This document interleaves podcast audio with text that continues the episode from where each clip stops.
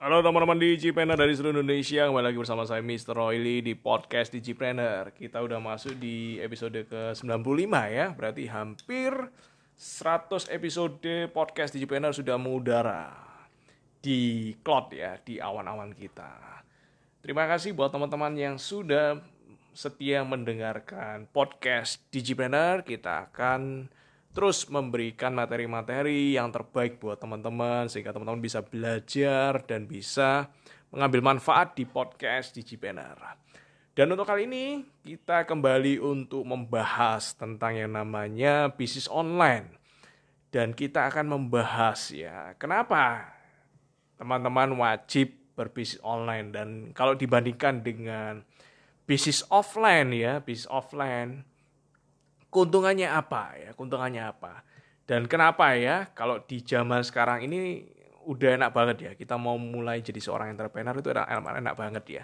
Apalagi udah zamannya online.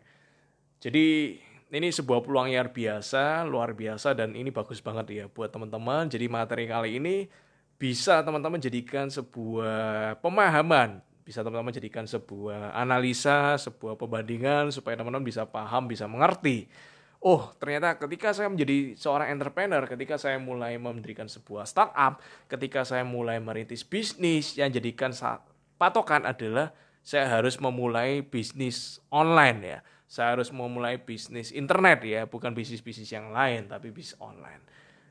Thank you buat teman-teman, silakan mendengarkan podcast episode ke-95 Digipreneur. Selamat menikmati.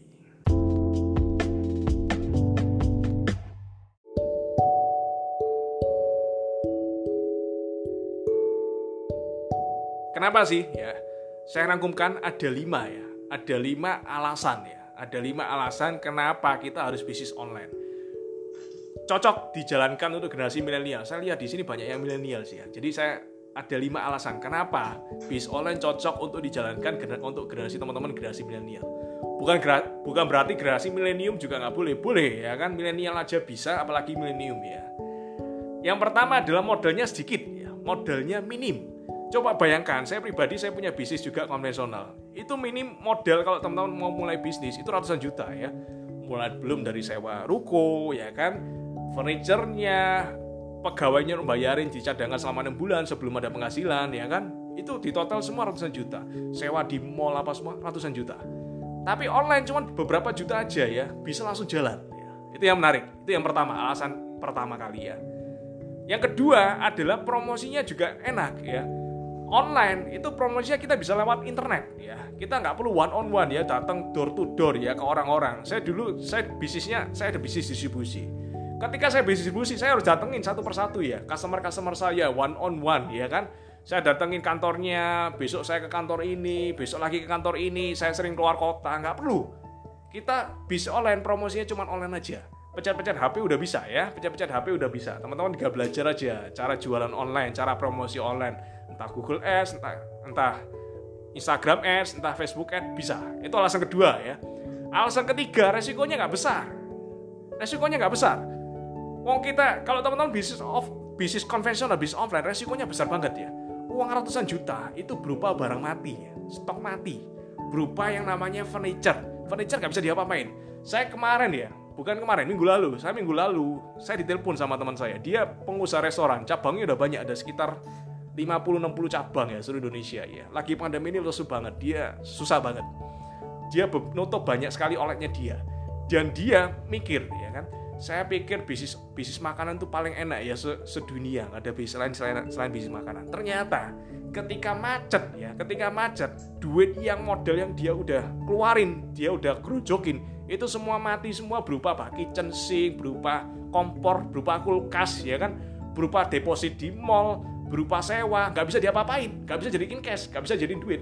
Tapi kalau bisa online enak, teman-teman tinggal belanja aja, ya kan minimal stoknya teman-teman bisa dipakai sendiri, ya kan minimal bisa dipakai sendiri. Untuk pelangsing ya kan teman-teman bisa pakai sendiri untuk produknya teman-teman sendiri, karena ini produknya bagus banget. Nah itu jadi resikonya sangat-sangat rendah ya. Yang keempat, pangsa pasar kita luas banget. Saya buka minimarket, saya punya minimarket ya saya buka minimarket, misal saya bukanya di Surabaya. Apakah bisa di Jakarta beli barang saya? Gak bisa. Apakah bisa di Bali beli barang saya nggak bisa karena saya bukannya di Surabaya. Tapi ya kan tapi kalau kita punya namanya bis online, kita posisinya ada di Surabaya. Apakah bisa orang di Jakarta beli produk kita? Bisa. Apakah orang di Irian Jaya bisa produk beli produk kita? Bisa. Orang di Bali bisa. Yang penting ada akses internet bisa jadi pangsa pasar kita. Itu alasan keempat ya. Alasan terakhir potensi keuntungannya jauh lebih besar teman-teman ya.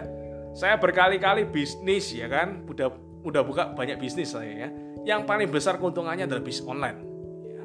Sekali lagi, saya udah buka banyak bisnis, teman-teman bisa tanya lah kepada mengundang teman-teman.